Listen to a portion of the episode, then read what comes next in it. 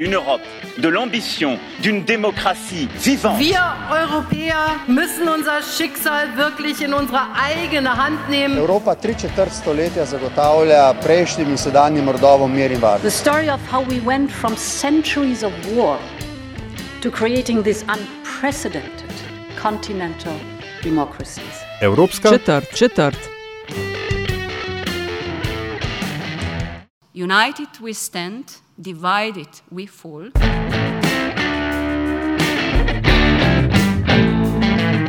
You are listening to a podcast on all things European, a podcast we call a European Quarter and is part of Metas List media network based in Slovenia.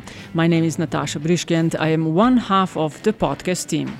and I am Aljaž Pengov Bitenc and comprise the other half of the team. You'll find this podcast at metinalista.si, your favorite podcast streaming service and or podcast streaming app, and a fresh episode will be in your inbox as soon as it is available. Charles Grant, Director of uh, Center for European Reform. Uh, thank you very much for being part of a podcast, European Quarter. Uh, how do you feel here at Bled? Is this the first time you've been here? I came here about 15 years ago, one of the first Bleds, and um, I'm very happy to come back for my second second instalment. It's become a lot more a sort of bigger and more important event really than it was when I was first here, but I still have time to jump in the lake, which is what I like most about coming to Bled. Uh, you have been part of a panel, How Many Futures? Uh, for the European Union. But before we dive into that, uh, as I mentioned, you are a director of a very important center uh, for European reform. You do a lot of interesting stuff. For those of you who are not familiar uh, with what you do, could you just say a couple of sentences? Uh, Well, we're, we we're, we're a small think tank based in London but with offices in Brussels and Berlin. Uh, we work on the future of the European Union, trying to come up with ideas and policies for reforming it so that it works better for the economics, the politics, the security, the institutions, issues like migration as well, and defence. So we, we, we cover the whole spectrum of what the EU does. The second thing we do is work on the UK EU relationship, trying to come up with ways of uh, improving the quality of that relationship, which of course is just as important post Brexit as it was pre Brexit. Uh, it- not sure which which of those two is more a, a more thankless job in, the, in in this day and age. Uh, but uh, speaking of futures of the EU, which was the title of the panel, um, sort of a um, a triple version, or rather three versions of the future have emerged uh, uh, with the panel. I believe there, were- there were six panelists, uh, you and your five other colleagues. And uh, if my notes are correct, so the first version was. Um, named Ares, the Greek god of war. The second is Hermes, the believed Greek god of trade, and the third one, Athena, which I assume stands for knowledge. Um, so, which, and you were very insistent on NATO being a um, integral part of one of these versions, which would also sort of um, undermine this sense of, um, sorry, uh, strategic autonomy. And and uh, so where do you stand uh, on these Well, I, I, versions? I don't think it, that NATO does necessarily undermine strategic autonomy I, on the on the versions. But I, I think I'm, I'm I, I would like to see, like most people, I'd like to see the Athena version. I'd like to see Europe economically integrated and and integrated for security organisations as well. I fear we may just move towards the second model, the, the Hermes, which is economically integrated without much on the security side. The reality is that NATO is the most important security organisation in Europe. Um, it keeps helps to keep Europe safe from Russia or other threats as, as well as Russia.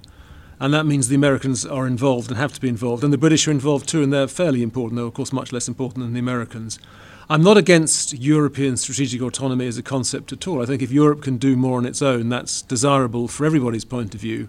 It is an insurance policy against the day when America might pull out of Europe. And let's not forget that Donald Trump, when he was president, almost almost pulled out of NATO. He got quite close to doing that. So I'm, I don't think that if you build up strategic autonomy, you make the uh, America more likely to pull out of Europe. I don't think if you focus on NATO, you diminish strategic autonomy. You have, you have to do both. NATO is very important for the foreseeable future, but the more Europe can do on its own, the better. But the reality is it'll be at least five or ten years before Europe can do enough to allow it to say, well, who needs NATO? We've got so much defence capacity here. I mean, the, the, nobody in Europe's pre- prepared to spend the money that would be required to give Europe the defence organisation that NATO can. Mm. Uh, about in 2013, uh, you wrote a report on how to build a modern EU. Uh, so, as I was wondering, in 2022, uh, how does the modern EU looks like uh, in your eyes? Well, one thing that's changed since 2013 is the British have left, of course, which does weaken it in terms of security and defence capa- capability. Uh, but as Guillaume Klossa said in our panel, maybe it strengthens Europe in other respects. It's easier for Europe to do more in the defence sphere, perhaps without the British. It's easier for Europe to set up something like the Recovery and Resilience Facility in response to the COVID crisis without the British being sort of cavilling and always complaining and not wanting too much integration. So I think there are, there are costs and benefits to Brexit. Um, I myself, perhaps inevitably being British, I see the costs. I see a lack of commitment to free trade. I see a lack of commitment to EU enlargement. I see a lack of, a lack of commitment to sort of democratic Im- impulsion to in the way the institutions work the role of national parliaments in, in gov- the governance of the EU. I see costs, but there are, I accept Guillaume is right. There are some benefits. It's easier for the Europe to integrate in certain areas without the British being difficult and trying to stop things. So, um, where I think that where I think I'm I don't haven't changed my views since 2013 is, I think Europe can't have everybody doing all the same things together. I do believe in variable geometry, so-called, or differentiated integration, if you like. I think Macron understands that Macron keeps on coming back to this theme that Europeans need to do more things in certain areas. Some some countries do, but not involving others. I think the eurozone is a classic example.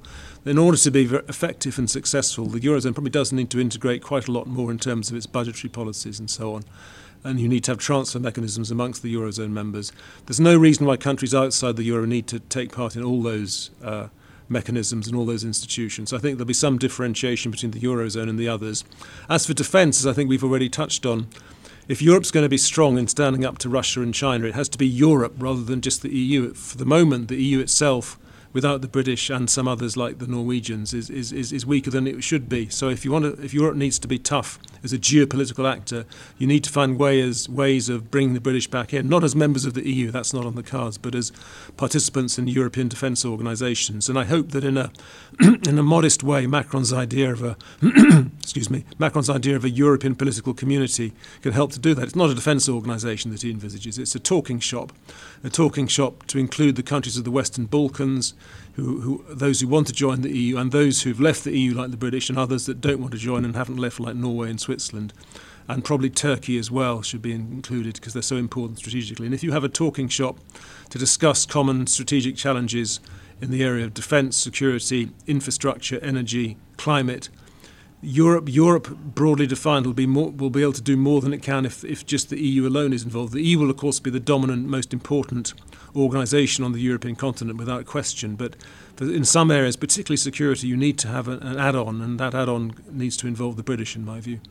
Uh, speaking of security and enlargement and the Western Balkans, geopolitics basically begins just acro- across the borders. And, and to be frank, the EU has not done a stellar job in this department, which I think is one of the uh, points of agreement uh, in the panel that, that, that you just uh, uh, attended. Um, and one of the ideas floated was that um, there needs to be more investment in the candidate countries, in the neighborhood, and in sort of a if you build it, they will come mode. Uh, is just putting more money in neighboring countries in the, uh, to the EU still the answer? Because that's been done for what, the last 15, 20 years? It's got to be more than money. I think it has to be policies too. I think the EU has been far too slow to enlarge into the Western Balkans. I mean, not all the blame is the EU's fault. I mean, obviously, some of the countries in the Western Balkans have not reformed or done the things that the EU wanted them to do as quickly as they should have done. And some of the leaders in the Western Balkans countries are not particularly committed to democratic European values, as far as I can see. In some countries, there is a lack of free press, a lack of independent judiciary, and so on. Nevertheless, it's quite clear that the EU needs to hold out more carrots to entice the Western Balkan countries to reform quicker and to move closer to the EU. And I think some of the ideas circulating in Paris, Brussels, and elsewhere, whereby candidate countries could join some policies of the EU before they become full members are highly desirable. And I think we can be slightly optimistic that after 20 years of nothing or very little happening in the Western Balkans vis a vis enlargement, things are moving a little bit more. I think the Ukraine war has helped because the Ukraine war has now led to Moldova and Ukraine gaining candidate status. And because President Macron helped resolve the standoff between Bulgaria and North Macedonia, uh, more or less. Fingers crossed. We'll see what happens. I think that you know th- those two countries, North Macedonia and, and, and, and, Albania, the two countries that were being blocked by, by this Bulgarian problem, um, should start to, to move to, closer towards membership and actually start talks with the EU. The next step is for countries like Bosnia and Kosovo to be made candidates, and of course Serbia and Montenegro need to move closer with, with their own talks with the EU. But I think I think there's a little bit of momentum, slightly more than there was a few years ago, and I think I'm slightly optimistic that the enlargement process can begin to move forward again. Uh, one thing that you also work on, and you mentioned that already, uh, is you work on the relationships between the UK and uh, the EU as well. So we had a referendum in 2016, and uh, the UK withdrawn uh, January 2020 we are past the point of UK joining again, at mm-hmm. least for a couple of decades. But do you believe that uh, the lowest point in the relationship uh, between the UK and EU uh, has been reached, and what path forward do you see? I think the lowest point may not have been reached yet. We can, in the long run, we can, more we can be more optimistic. Firstly, on membership, the EU will not rejoin the U- sorry, the UK will not rejoin the EU in the next 20 or 30 years. I, I regret that, but it's just that that's the reality. Even most people who voted Remain don't actually think it makes sense to try and go back into the EU now. And the EU may change in ways that would make it harder for the British to rejoin anyway. And the EU would be mad to take the British back in when one of the two main parties in the UK, the Conservative Party, would always say, "Let we're going to leave." So if, if Labour, a uh, Labour government took Britain back in, the Tories would promise to take Britain out again, so the EU wouldn't, shouldn't, shouldn't touch the British really on that basis. And I'm afraid a Labour government will not even rejoin the customs union or the single market or restore freedom of movement. I regret that, but that's the reality because that's what Keir Starmer thinks he has to say in order to win the election. The, the, more, the more encouraging long term news is that a Keir Starmer government, which I think is quite plausible in two or three years' time, a Labour government, would want a better relationship and they would try and restore an element of trust between the UK and the EU, which is sorely lacking at the moment. They would try and improve the, the tone and the climate of the relationship. I think in defence and foreign policy, they, would be very willing to rejoin at least partially European structures to, so that they have a seat at the table and can influence European foreign and defence policy. I think they would tr- be ready to compromise on this awful Northern Ireland Protocol business, which is horribly complicated. They would probably sign up to EU standards in plant and animal health, which would reduce some of the friction at the borders between the EU and the UK. And they would um, probably go for what's called a mobility agreement, whereby it'd be easier for, for someone like me to go and give a lecture in Slovenia without having to get a visa before I do so, and for rock musicians and classical orchestras to go and tour around Europe, which they can't really do properly anymore. So I think I think in the long run we, there will be a better relationship, but you need a government in the UK that wants that, and Boris Johnson's government did not want that, and it looks like Liz Truss's government, because she's going to be the new prime minister in a, a, couple of weeks' time, almost certainly. She she will not want to get a better relationship, as far as I can see at the moment, to judge to judge her on her initial comments about the European Union. Yeah, that, those should be fun times uh, ahead for for the UK EU relationship. But coming back to the continent, you've mentioned it, mentioned him a couple of times. Is Emmanuel Macron a European leader that uh, the union needs, or is he the one that uh, the union deserves at this moment? Well, I think he's the best leader Europe's got at the moment. he's not perfect. He has, like everybody, his his downsides. I think he's not a very good diplomat. He has a lot of ideas about Europe but he's not very good at building coalitions with other countries before he launches them. Like the European political community, he didn't consult the Germans first, so their initial comment was not very encouraging because they were a bit miffed they were not consulted. He tends to do things at the last moment on, the back of an envelope. Which, but he, I mean, to be fair to me, he's very creative. He has lots of ideas, lots of energy, lots of enthusiasm. He's not always good at persuading people that they are for the good of Europe rather than France, because some of his European ideas turn out to suit French interests quite well and I think he could be more effective if he learnt some diplomacy. But he's the best we've got. He's, he, he, at least he has the ideas. At least he thinks about the, U, the European Union.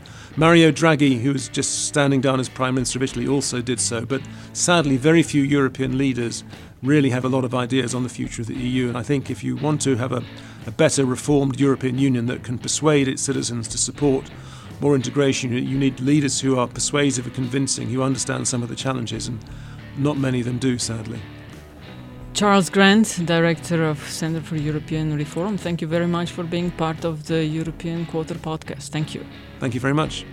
You've been listening to European Quarter, and we'll continue our conversation on all things European soon. And as always, thank you for tuning in, and until next time, watch this space. And the necessary disclaimer this episode is a part of a series prepared in cooperation and with the support of the Bled Strategic Forum. The views, information, or opinions expressed during the podcast series are solely those of the individuals involved and do not necessarily represent those of the Bled Strategic Forum.